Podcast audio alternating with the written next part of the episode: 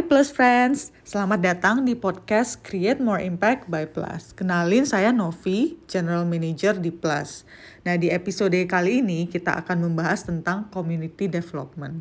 Seperti yang kita tahu dalam menjalankan suatu usaha sosial, tentu kita banyak berinteraksi dengan komunitas atau masyarakat di daerah lain, baik sebagai penerima manfaat maupun sebagai partner bisnis kita.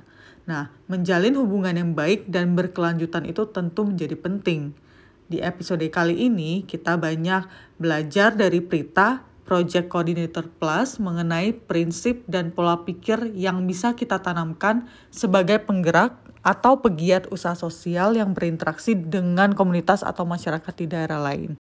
Yuk, langsung aja kita kenalan dengan Prita.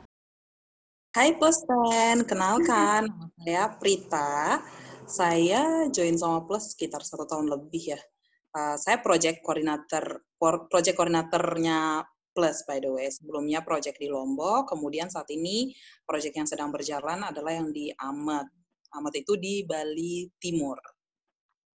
Oke, Oke deh. Nah, uh, di sesi hari ini sebenarnya um, gue pengen um, apa ya mendapatkan ilmu dari Prita mengenai community development. Nah, tapi hmm. sebenarnya pengen tahu sih dari dirimu, dari Prita, menurutmu community development itu apa sih? Sebenarnya ini bahasa yang paling sering didengar ya, kayak oh community development gitu, apa sih gitu. Sebenarnya kalau kom komdev atau community development itu sebenarnya pengembangan masyarakat, tapi sebenarnya dia lebih ke penguatan masyarakat secara aktif. Nah, pengembangan masyarakatnya sebenarnya uh, bukan masyarakat secara keseluruhan, tapi ada kelompok-kelompok tertentu yang akan jadi sasaran kita, tapi dia merupakan uh, bagian dari satu masyarakat yang besar. Itu secara umum. Tapi ada prinsip-prinsipnya juga nih plus plus friends untuk mengenai uh, Komdev ini sendiri. Yang pertama, kesetaraan, kemudian nilai keadilannya, kemudian kerjasama, inklusivitas dan yang jelas yang paling penting adalah keberlanjutan gitu. Jadi bagaimana kita uh, membawa program bukan hanya sekedar melaksanakan program, tapi juga membawa masyarakat itu sendiri ke dalam si komunitas atau masyarakat itu sendiri ke dalam program ini sampai akhirnya mereka dari mereka untuk mereka kita sebenarnya hanya mengarahkan atau menggait jalannya gitu kira-kira itu uh, perkenalan awal tentang Komdes. Nah, ya, ya. Nanti kita akan membahas lebih lanjut ya ke tentang yang tadi kamu sebut uh, kesetaraan, uh, menempatkan diri kita ke ke masyarakat bagaimana gitu ya. Kayaknya itu hmm. menarik banget. Tapi nanti kalau kalau sebelum itu aku boleh um, uh, ini nggak sih diceritain nggak sih kamu di dirimu di um, sekarang di Bali atau sebelumnya di Lombok itu kegiatannya apa sih yang apa sih uh, konkretnya Komdev itu? Oke, jadi sebenarnya kalau untuk uh, Komdev sendiri jelas kita ya ada suatu program yang ingin dibawa ya. Uh, tapi bagaimana program ini bukan hanya menjadi agendanya kita, kita menjadikan ini agenda kedua belah pihak. Itu uh, prinsip yang tadi setara. Nah kalau di Lombok itu dulu sebenarnya lebih ke penguatan uh, penguatan hmm. kapasitas untuk ibu-ibu uh, ini ibu-ibu UMKM. Tapi memang kita memilihnya itu dari hmm. awal banget ya. Waktu itu hanya ada 50 yang kita dampingi. Lebih kepada bisnis sebenarnya. Lebih kepada social entrepreneur ya. Lebih ke social entrepreneur lalu apa sih yang didampingi, penguatannya lebih ke apa. Nah, sebenarnya ada banyak, kalau untuk Komdev itu sendiri ada banyak, kita mau menguatkan di sisi apa, apakah dari sisi pemerintah, apakah dari sisi uh, apa namanya organisasi, apakah dari sisi uh, pendidikan, apakah dari sisi literasi. Nah, ada banyak sebenarnya. Tapi yang saya lakukan di Lombok dan di Amet ini kurang lebih sebenarnya sama walaupun komunitas yang didampingi berbeda sama sekali kalau untuk di Lombok itu lebih penguatannya kepada lebih ke bisnisnya sebenarnya. Tapi menarik karena bisnis itu ternyata ketika kita menguatkan masyarakat, ya mereka harus tahu dulu dong apa yang apa yang lemah, mereka harus menyadari dulu kebutuhannya apa, kemudian baru bisa dikuatkan. Jadi dari pertama kita datang tentu kita harus mempunyai data awal ya, data awal tentang bagaimana sih kondisi di tempat itu, kemudian siapa yang akan kita dampingi, profilnya seperti apa, akan seperti apa kita masuk. Nah, ini penting banget, tapi juga bukan segalanya. Maksudnya kita tetap harus tahu datanya, tapi ketika kita ke sana, kita harus tetap mempunyai pikiran yang eh, apa namanya itu, no? gelas kosong gitu. Pikiran yang maksudnya kita benar-benar uh, kita mempunyai informasi, tapi sebenarnya informasi itu tidak menjadi pijakan kita untuk uh, menilai komunitas tersebut gitu sebelum kita masuk. Jadi itu penting banget nih teman-teman uh, plus yang mungkin uh, bergerak di social entrepreneur atau ya kita-kita yang memang akan menggerakkan uh, komunitas di tempat kita masing-masing itu penting banget di awal. Kemudian uh, menurut saya yang kedua adalah tadi kalau untuk sebelum datang itu kita punya data, tapi juga keinginan kita untuk belajar. Jadi ketika kita datang, kita memang itu yang tadi saya sampaikan kesetaraan, kita tidak membuat diri kita lebih tinggi daripada komunitas yang akan komunitas ataupun masyarakat yang akan kita datangi atau dampingi atau yang akan kita kapasitasi. Jadi memang ada perbedaan pengetahuan saja. Kita bisa bilang gitu ya, Nov ya.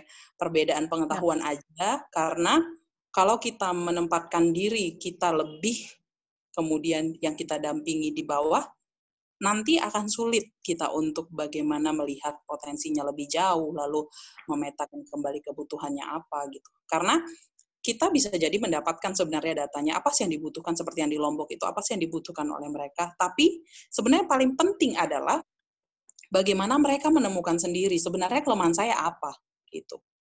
Jadi ketika kita menemukan sendiri walaupun dengan dengan dengan arahan ya tentunya dengan dengan arahan uh, itu akan lebih mudah untuk mereka mencari solusinya dengan arahan juga dari kita yang mendampingi atau saya sebagai fasilitator atau pendamping di lapangan Gitu sih sementara nih Mbak Nov. Itu udah panjang ya. banget.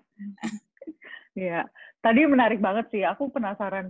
Um, tadi kamu bilang sebelum uh, mulai atau sebelum masuk ke suatu um, project atau komunitas itu penting untuk uh, adanya needs assessment atau adanya data-data yang yang memang sudah kita research di awal sebelum um, ke sana gitu. Nah, tapi aku juga uh, ini sebenarnya dari pengalaman yang aku observe juga ya dari dari berita.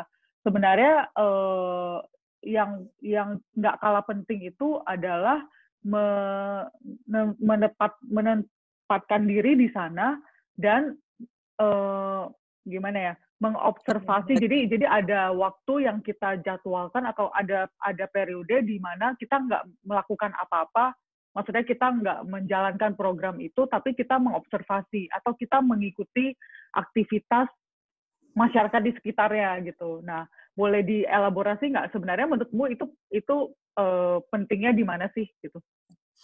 Uh, itu penting banget sebenarnya karena itu yang masuk tadi inklusif kan sebenarnya kita masuk ke dalam gitu kita menjadi bagian dari komunitas atau uh, pun masyarakat yang akan kita dampingi ini gitu karena kita akan melihat bagaimana sih sebenarnya cara berpikirnya masyarakat itu sendiri, kemudian bagaimana sih sebenarnya pandangan mereka tentang hal-hal yang mungkin bisa jadi bukan kita yang pertama ya ketika kita datang untuk uh, penguatan capacity building ataupun penguatan kapasitas di bidang bisnis bisa jadi bukan kita yang pertama.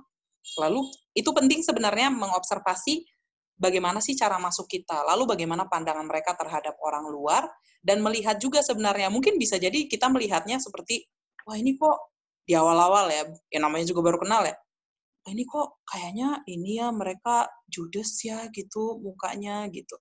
Nah, kita belum bisa menyimpulkan hal-hal seperti itu sebenarnya di awal gitu. Jadi masuklah lebih dalam, ikuti setiap proses-proses kalau bisa sih buat saya sih menarik banget ya karena saya sangat suka dengan budaya lalu uh, sangat tertarik juga kenapa sih mereka melakukan ini kenapa sih mereka melakukan ini oh mereka seperti ini bagaimana. Nah dari situ nanti sebenarnya kita bisa menganalisa juga uh, ketika terjadi sesuatu misalnya si komunitas ini kenapa ya dia tidak dekat dengan mungkin pemerintah bagian ini atau uh, dinas atau yang lainnya atau hal-hal lain yang mungkin kita ingin kaitkan gitu ya, tapi kayaknya nggak bisa.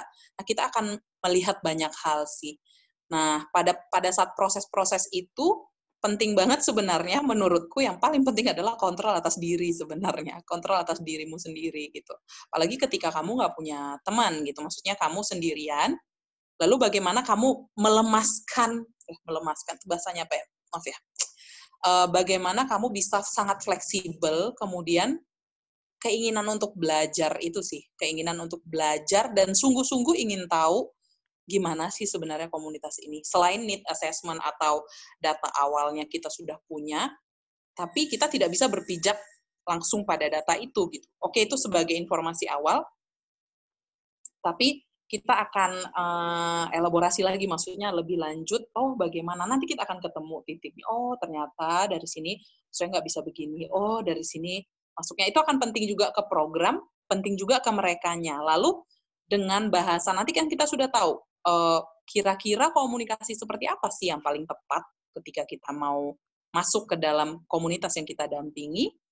Ya, ketika kita dari suatu tempat, tidak bisa dipungkiri kita pasti punya bahasa sendiri ya. Nanti ketika kita sudah tahu, ya kita tahu kita apakah harus setelnya bagaimana nih, atas sedikit kah, di bawah sedikit kah, atau gimana, supaya setara, kemudian bahasanya bisa sama, uh, apa yang mau kita sampaikan bisa diterima dengan baik juga gitu. Dan ketika ada hal-hal tertentu yang terkait dengan program, terkait dengan ini, kita memang lihat juga apakah mereka membutuhkan itu atau tidak. Kita samakan lagi dengan kebutuhan awalnya tadi. Karena memang uh, ketika kita um, memulai program lalu jika kita tidak melihat hal lainnya lalu langsung masuk langsung kepada planning, langsung kepada perencanaan dan pelaksanaan dan data segala macam pelaporan. Ya bisa saja sih baik gitu. Tapi pada akhirnya keberlanjutannya akan saling berkaitan ya. Keberlanjutannya nanti tidak ada. Ketika kita tidak ada si uh, pendamping atau fasilitator atau siapa pun yang masuk nanti sudah tidak ada, tidak akan ada kemandirian. Tidak akan ada keberlanjutan. Itu sebenarnya pentingnya menurut saya ya sebagai orang yang hmm, kurang lebih empat tahun di lapangan itu hal yang mendasar yang sangat penting. Jadi sebenarnya bagaimana kita melihat kepada komunitas itu, gitu. tidak merasa hmm, tahu segalanya, uh, kemudian sangat terbuka untuk belajar gitu, untuk melihat uh, kondisi yang sebenarnya seperti apa gitu, dan memasukkan empati kita di dalamnya tentunya gitu. Hmm. Ya, Terus menarik di, banget. Ya, hmm. setuju banget sih. Yang uh, menurut aku lumayan uh, eye opening itu adalah um, gimana kita sebagai gimana ya, kamu misalnya dirimu sebagai orang luar saat masuk ke sana gitu nggak nggak memposisikan dirimu di, lebih tinggi dari mereka gitu. Jadi um, meng, yang itu kesetaraan itu sangat sangat kuat dan dan yang kelihatannya itu ya ya kita men mentreat mereka sebagai teman atau sebagai manusia gitu kasarnya. Dan um, ya ini, ini tuh yang yang menjadi kunci untuk keberlanjutan dari bisa jadi dari program atau bahkan uh, ke, keberlanjutan dari misi apa yang mau kita tanamkan di sana gitu kan. Iya. Ya. Dan dan tadi menarik banget sih kalau yang dirimu bilang soal uh, memperhatikan cara berkomunikasi itu mm-hmm. kayaknya dirimu kemarin sempat cerita sih soal um, konsep leaderless. Nah, boleh iya. di ini nggak dielaborasikan nggak yang dimaksud itu apa? Uh, saya pernah cerita sebelumnya ke Novi nih teman-teman plus uh, mengenai leaderless. Nah, saya cerita sedikit. Sebenarnya dulu saya pekerja kantoran. Ya, 8 tahun pekerja kantoran. Terus putar putar haluan. Puternya 180 kayaknya itu. Nah, tapi sebenarnya dalam 8 tahun itu tetap saya mengerjakan hal lain yang sebenarnya tanpa saya sadari itu juga komdev gitu. Hanya saja waktu itu beneficiaries-nya lebih ke anak-anak pinggir rel dan uh, bagaimana berkomunikasi dengan orang tuanya dan lainnya tuh penting banget. Nah, konsep leaderless ini saya makin kuat lagi ketika waktu itu saya pernah di Papua sebenarnya. Bagaimana ketika ini ketika menjadi leader lalu tidak menjadi leader itu akan sulit banget sebenarnya tidak mengatur ya kan itu sulit banget tapi uh, ketika kita mau mengambil peran di situ misalnya kita mengambil peran sebagai kita yang mengatur itu akan jadi si komunitasnya sendiri tidak bisa mencari mencari nanti uh, bagaimana caranya untuk berkembang gitu jadi ya memang mengontrol diri. Kalau leaderless itu lebih ke ya contohnya lah kayak rapat gitu. Rapat sebenarnya kita udah gemes ya, oh ini harusnya dibahas, ini harusnya dibahas. Nah, kita harus menahan itu, biarkan mereka yang merasa bahwa itu penting untuk dibahas gitu. Bahkan dalam berkomunikasi pun, ketika mereka berkomunikasi, kita akan mengarahkan kira-kira apa yang ingin kita tahu. Nah, tapi biarkan mereka yang menyadari itu, lalu pengulangan-pengulangan itu akan membuat mereka, oh iya, ini kekuatanku. Oh iya, harusnya aku belajar dari sini. Oh iya, kondisinya seperti ini ya. Berarti apa yang harus dilakukan? Sehingga kesadaran itu akhirnya uh, makin kuat di merekanya gitu. Saya dalam satu rapat kan biasanya suka ke mana-mana tuh, ininya udah gemes kan. Nah, cara-caranya paling lebih kepada, oh ya tadi agendanya apa gitu kan. Kita nggak bilang secara langsung gitu. Biarkan mereka yang melihat, kemudian paling cuman colek satu orang, ya tadi agendanya kita sudah sampai bahas nomor berapa ya Pak? Gitu. Oh iya, ini agendanya masih, oh iya ya lanjut lanjut lagi ke ini, tadi belum selesai. Nah, mereka akan berusaha mengatur eh, bagaimana jalannya rapat itu, mendapatkan kesimpulannya dengan diri mereka sendiri. Jadi sebenarnya kita, seperti yang saya sampaikan di awal tadi, kita hanya membuatkan eh, apa namanya panduan gitu membuatkan panduan. Nah, itu leaderlessnya di situ sih. Kita tidak mengambil peran terlalu banyak sebagai orang yang memanage atau mengatur. Ya, secara program tentu, tapi untuk di dalam komunikasinya, di dalam masyarakat sendiri, itu enggak, kita enggak, enggak mengambil peran itu. Peran kita lebih kepada mendengarkan secara aktif gitu. Mendengarkan secara aktif itu artinya ya bukan cuma dengar ya guys. Mendengarkan secara aktif itu ya benar-benar kita memahami konteks apa yang dibicarakan, uh, apa yang dibahas gitu. Maksudnya apa? Ketika memang ada yang tidak sesuai, kita bisa bertanya gitu. Bertanyanya juga bukan bertanya yang memberondong, tapi lebih kepada ya ya memang kita yang tidak tahu.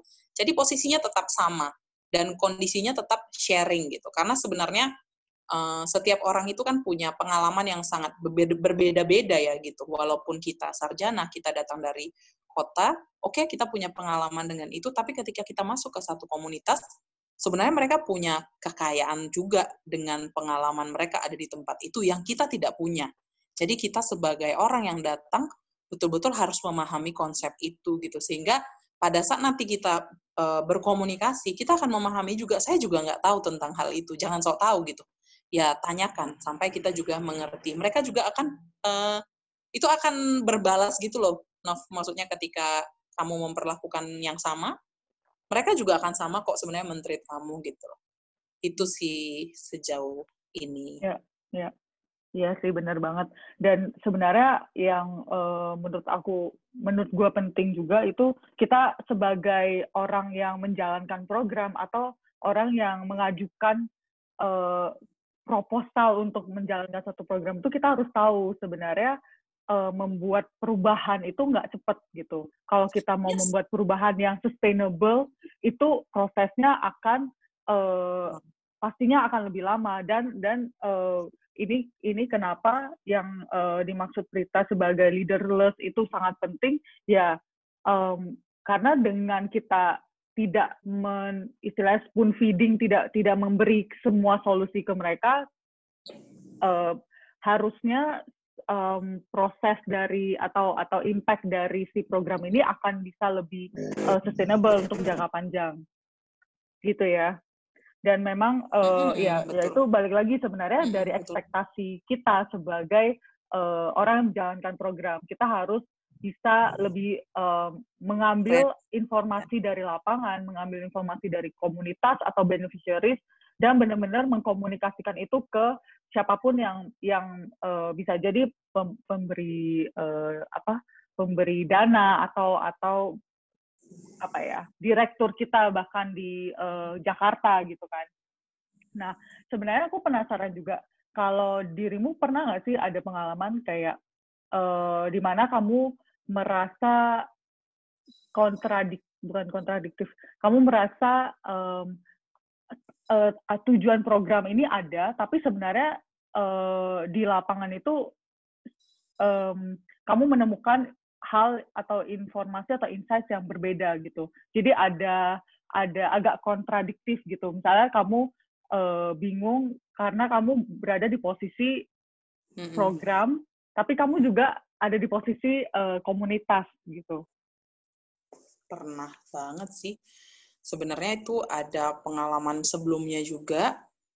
Um, nah, konsepnya kan sebenarnya ketika kita pendampingan mau siapa pun, um, makanya jadi penting sih tadi yang Novi bilang, bagaimana sebenarnya komunikasi di awal antar siapa nih yang akan mendanai program ini, lalu bagaimana sih kondisi masyarakatnya, lalu menyampaikan juga um, perubahan itu tidak bisa yang cepat gitu. Maksudnya perubahan itu tidak bisa cepat dan memang di data-data dasar tadi jadi penting gitu karena ya kita harus membuat juga perubahannya itu ya berjenjang gitu. Maksudnya tidak bisa kita di A kemudian dari nanti mintanya langsung ke mana C atau D itu kan terlalu tinggi ya. Maunya kan berjenjang.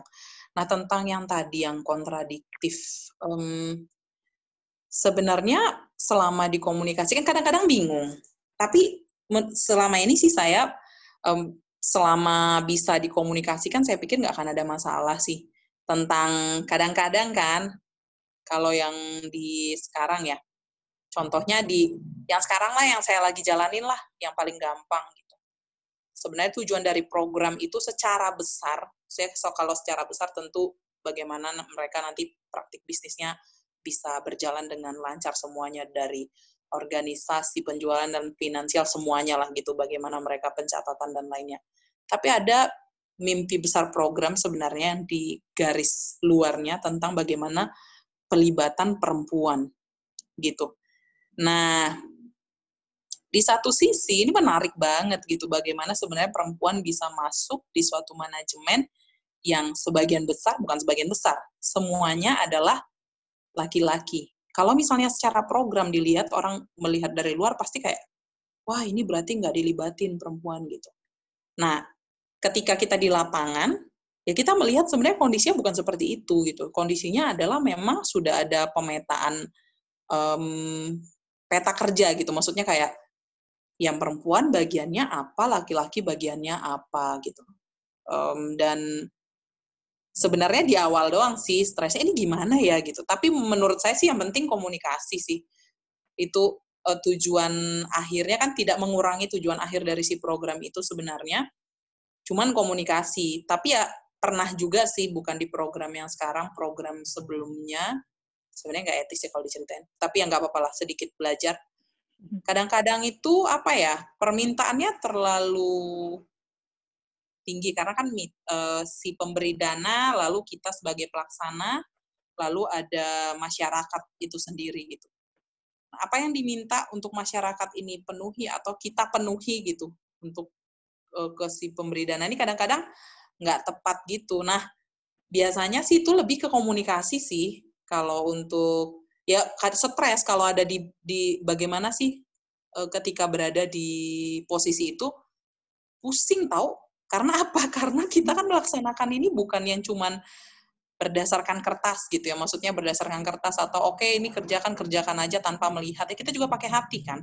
Kita mengerjakan ini dengan sepenuh hati. Kita menjadi bagian dari masyarakat ini bukan kepura-puraan tapi beneran gitu. Maksudnya sehingga ketika mereka disakiti atau mereka dinilai tidak baik gitu padahal orang-orang yang menilai dari luar sebenarnya tidak terlalu tahu kondisinya itu bikin kesal sih gitu. Tapi kalau untuk se di program sendiri, menurut saya selama bisa dikomunikasikan lalu ada evidence atau buktinya, kemudian bisa diperkuat dengan hal-hal yang kita jumpai, observasi di lapangan, nanti juga bisa dikuatkan dengan ngobrol-ngobrol uh, dengan ya yang mau kita tahu kondisinya, misalnya terkait yang tadi perempuan dengan si perempuannya, ya itu bisa diselesaikan sih gitu. Karena memang kita tidak bisa memaksa hal yang sudah ada. Misalnya hal yang sudah ada dari dulu, lalu kita mau ubah untuk mungkin kita satu tahun atau dua tahun di sini. Sulit sekali gitu. Tapi setidaknya nanti ada bagian yang paling bawahnya. Nah, itu yang saya bilang tadi mungkin lebih ke um, maintain ekspektasinya ya. Ya, berarti dari mungkin dari program inginnya levelnya tiga, tapi untuk saat ini kalau belum ada pelibatan sama sekali mungkin masih harus ke satu dulu gitu. Bagaimana pentingnya pelibatan perempuan gitu. Kemudian bagaimana pandangan mereka tentang pelibatan perempuan, lebih kepada uh, pengetahuannya dulu sih menurut saya. Gitu sih. Menjawab nggak ya? ya? Menjawab, menjawab kok. Ya, ya sebenarnya me memang um, apa ya? Kalau dari yang selama ini dirimu udah um, ngerjain sih, menurutku itu itu udah sangat baik. Which is kamu menjadi um, apa ya? Bisa menjadi advokat gitu buat uh, orang buat beneficiaries atau buat orang-orang di sana gitu. Karena uh, biasanya ya kalau misalnya sedikit cerita ya tentang proses kita uh, uh, menjalankan satu program pendampingan biasanya dari tim ada tim Jakarta dan ada tim uh, di lapangan which is yang sekarang ada di Bali gitu. Nah uh, kalau dari tim Jakarta itu kebanyakan memang yang mendesain uh, materi, mendesain metode penyampaiannya, atau hmm. sampai uh, mendesain monitoring uh, toolsnya. Nah, hmm. tapi uh, kebanyakan dari dari hal itu um, masih berasal dari perspektif orang Jakarta atau orang kota gitu, yang uh, sangat sangat sulit kalau langsung diterjemahkan atau kalau langsung dipakai ke uh, lapangan. Jadi sebenarnya role-nya Prita ini selama ini adalah membantu kita, menjembatani kita dan uh, mungkin bahkan sampai menegur kita. Jadi kayak uh, memperingati kita kalau ini tuh bahasanya masih terlalu tinggi, ini tuh kurang uh, jelas, ini tuh kurang uh, apa ya teknis atau kurang uh, uh, bisa dimengerti oleh mereka gitu. Bukan berarti hmm. mungkin orang bukan berarti balik lagi uh, komunitas di sana uh, lebih di bawah kita bukan. Tapi balik lagi ke masalah komunikasi, metode komunikasi.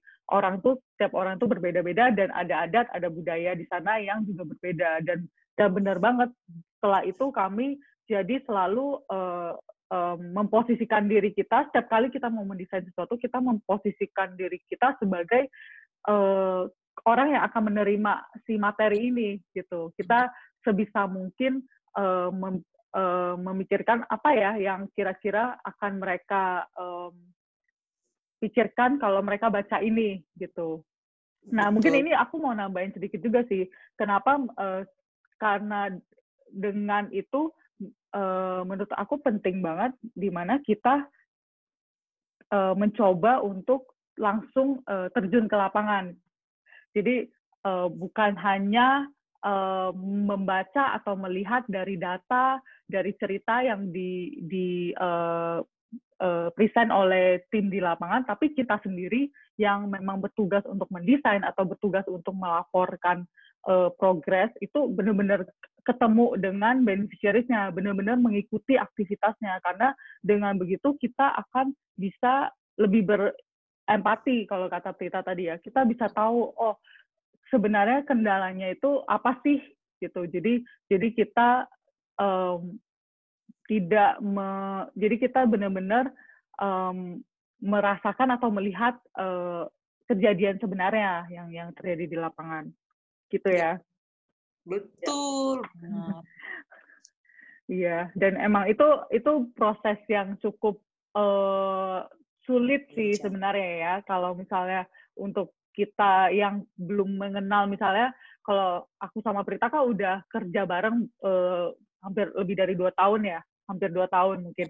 Jadi kita udah lumayan tahu uh, uh, prosesnya gimana. Tapi memang di awal-awal pasti akan sulit sekali untuk untuk berkomunikasi gitu. Yeah. Iya, kalau misalnya dari um, aku penasaran kalau untuk um, kamu dirimu kenapa sih bisa engage banget gitu? Ini mungkin sedikit sedikit cerita juga ya. Kalau Prita tuh uh, saat pendampingan atau saat ketemu dengan uh, kalau pas di Lombok ketemu dengan ibu-ibu itu beneran uh, di, dia itu di sana gitu. Maksudnya nggak ada uh, atau setidaknya nggak menunjukkan kalau Prita itu men, uh, memikirkan hal lain gitu. Jadi benar-benar uh, present dan benar-benar care dengan uh, progres atau dengan uh, kehidupan ibu-ibu di di sana gitu.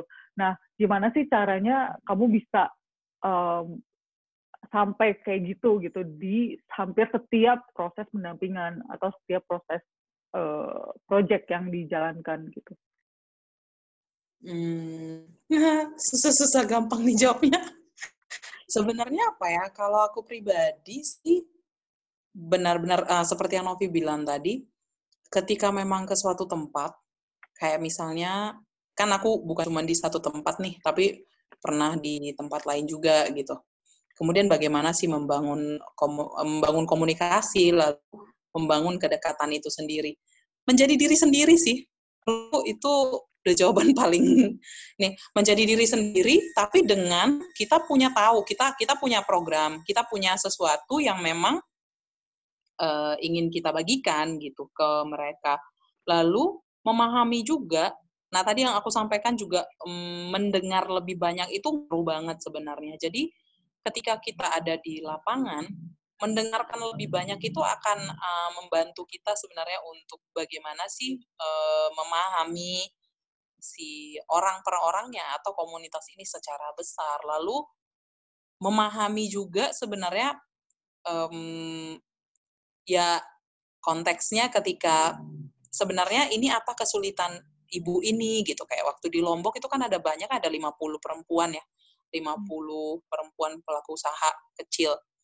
Nah itu masalahnya banyak-banyak banget. Maksudnya masalahnya itu bukan yang uh, bisa dibilang pelik, tapi mereka sendiri tidak bisa melihat itu. Nah kita benar-benar ingin membantu lah, bagi uh, membantunya itu bukan.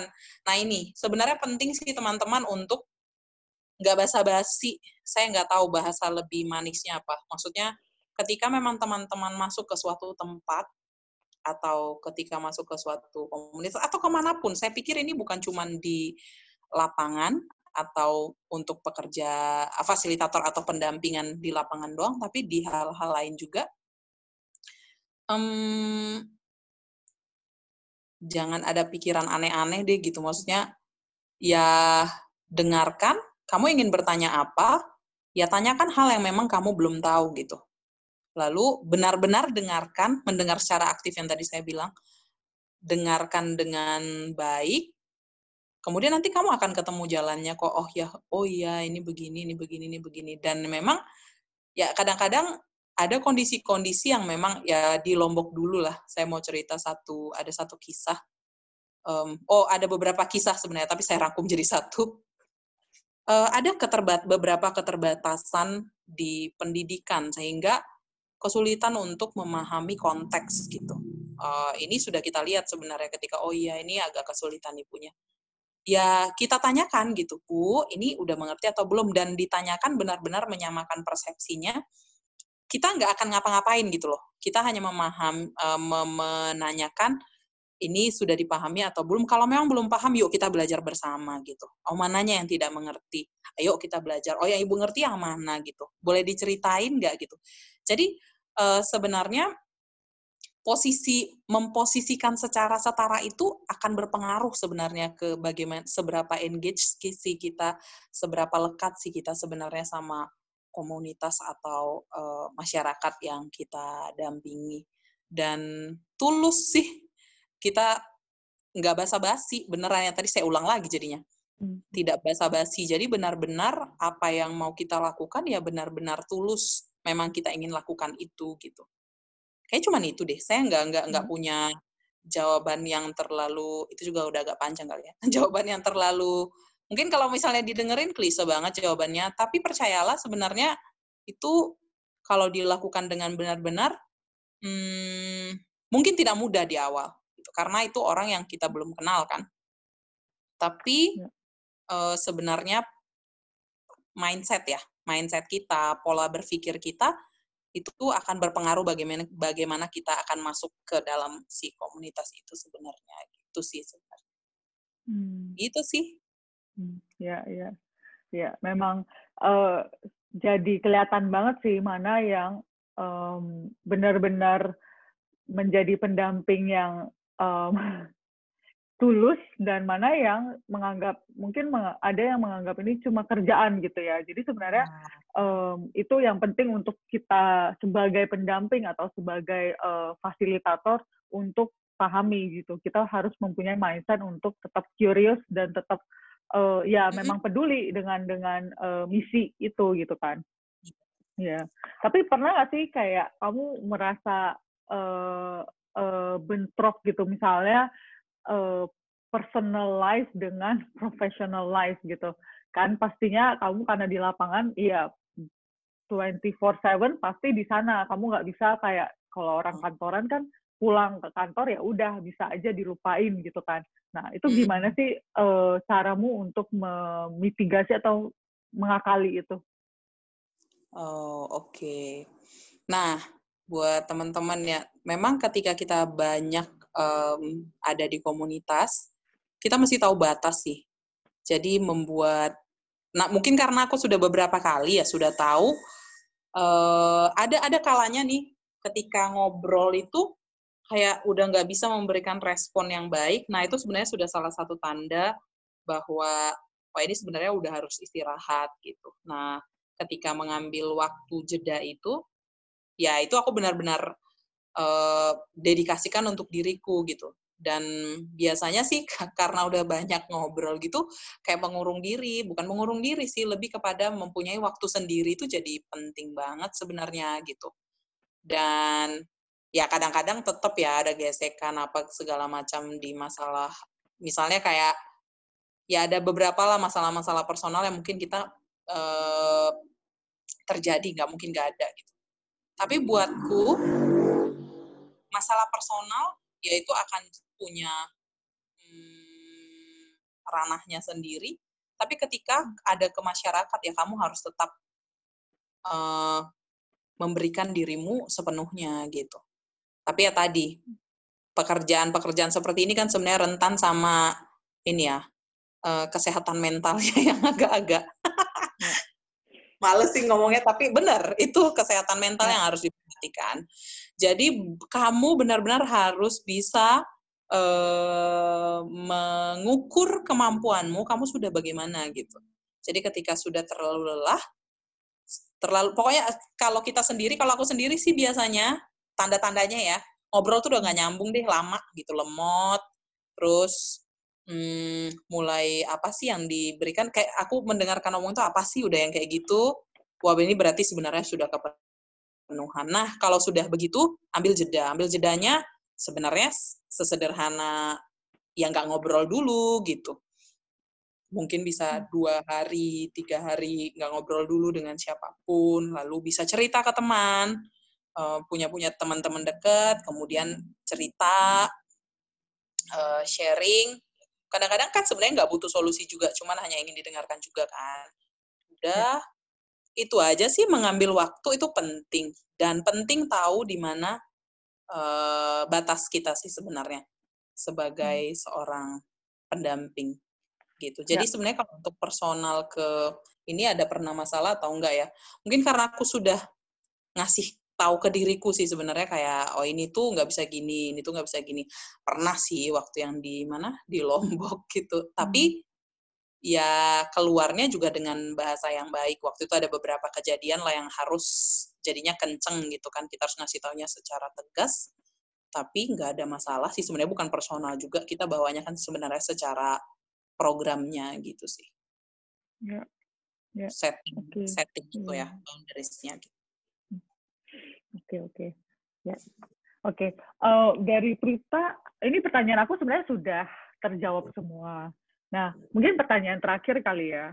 Dari dirimu ada nggak sih pesan atau um, insights untuk teman-teman yang sekarang sedang uh, either menjadi pendamping di lapangan atau sedang menjalankan program atau bahkan uh, sedang mendirikan usaha sosial yang banyak nantinya akan uh, berinteraksi dengan orang-orang uh, di luar uh, dari komunitas kita. Jadi kayak masyarakat uh, di pedesaan atau masyarakat di um, luar kota. Nah, kira-kira apa ya yang ada nggak sih pesan dari dirimu untuk untuk kita semua?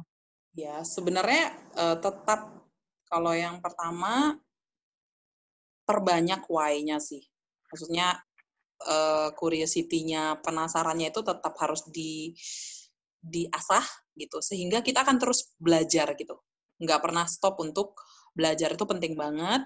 Kemudian yang kedua adalah ya tadi setiap orang punya pengalaman berbeda dan sah-sah aja hmm, kita saling belajar gitu. Walaupun sebenarnya komunitasnya bisa jadi misalnya secara pendidikan kamu berbeda, tapi yang harus dipahami adalah sebenarnya kita setara. Jadi pasti komunitas yang akan kamu ajak atau akan kamu mulai misalnya uh, untuk membuat SI-nya di situ, ya bisa jadi mereka sebenarnya punya pengalaman yang kamu nggak punya juga. Jadi posisinya tetap setara, sharing gitu. Dan uh, setara ini juga ya ngaruh sebenarnya ke leaderless tadi ya, komunikasi yang leaderless, yang ya yang nggak menonjol, cukup menentukan arahnya, sama sebenarnya tentukan keberpihakanmu ke mana gitu. Itu jadi penting sebenarnya. Hmm, ketika kamu berdiri, di situ kamu berdiri untuk siapa? Untuk dirimu atau untuk komunitas itu? Gitu. Itu jadi penting ditanyakan ulang karena ketika kamu berdiri untuk dirimu sendiri akan sulit kamu akan menemukan jalan bagaimana supaya uh, komunitas ini menjadi kuat dan bagaimana komunitas itu menguatkan dirinya sendiri. Itu doang sih. Sama ini satu lagi jangan lupa kosongkan gelasmu. Iya. Yeah. Yeah. Sama itu sebenarnya menjelaskan yang pertama. Tadi aku lupa ngasih tahu. Jadi yeah. ke setiap tempat di mana pun penting banget untuk mengosongkan gelas ya kayak kata Novi tadi eye opening lah. Jadi melihat tuh secara luas dan kita bisa mengambil banyak belajar dari situ. Gitu. Jadi kita nggak pernah merasa pintar gitu. Maksudnya oke okay, dengan banyak pengalaman lalu kita jadi uh, sombong arogan gitu congkak oh saya kan udah biasa gini ini mah gampang gitu. Nah itu jangan banget gitu. Itu uh, jangan benar-benar itu harus dibuang perasaan yang seperti itu sehingga kita bisa mendapatkan lebih banyak lagi. Ketika kita merasa kita cukup ya kita akan dapat segitu aja kita nggak akan dapat lebih. Itu sih. Hmm. Ya, begitulah sedikit bincang-bincang saya dengan Prita. Semoga ini bisa menginspirasi teman-teman dalam perjalanan untuk create more impact. Kita juga sangat terbuka untuk saran atau ide mengenai topik apa aja yang bisa kita diskusikan di episode selanjutnya. Teman-teman bisa coba DM kita di Instagram at underscore ID. Sampai jumpa di episode selanjutnya.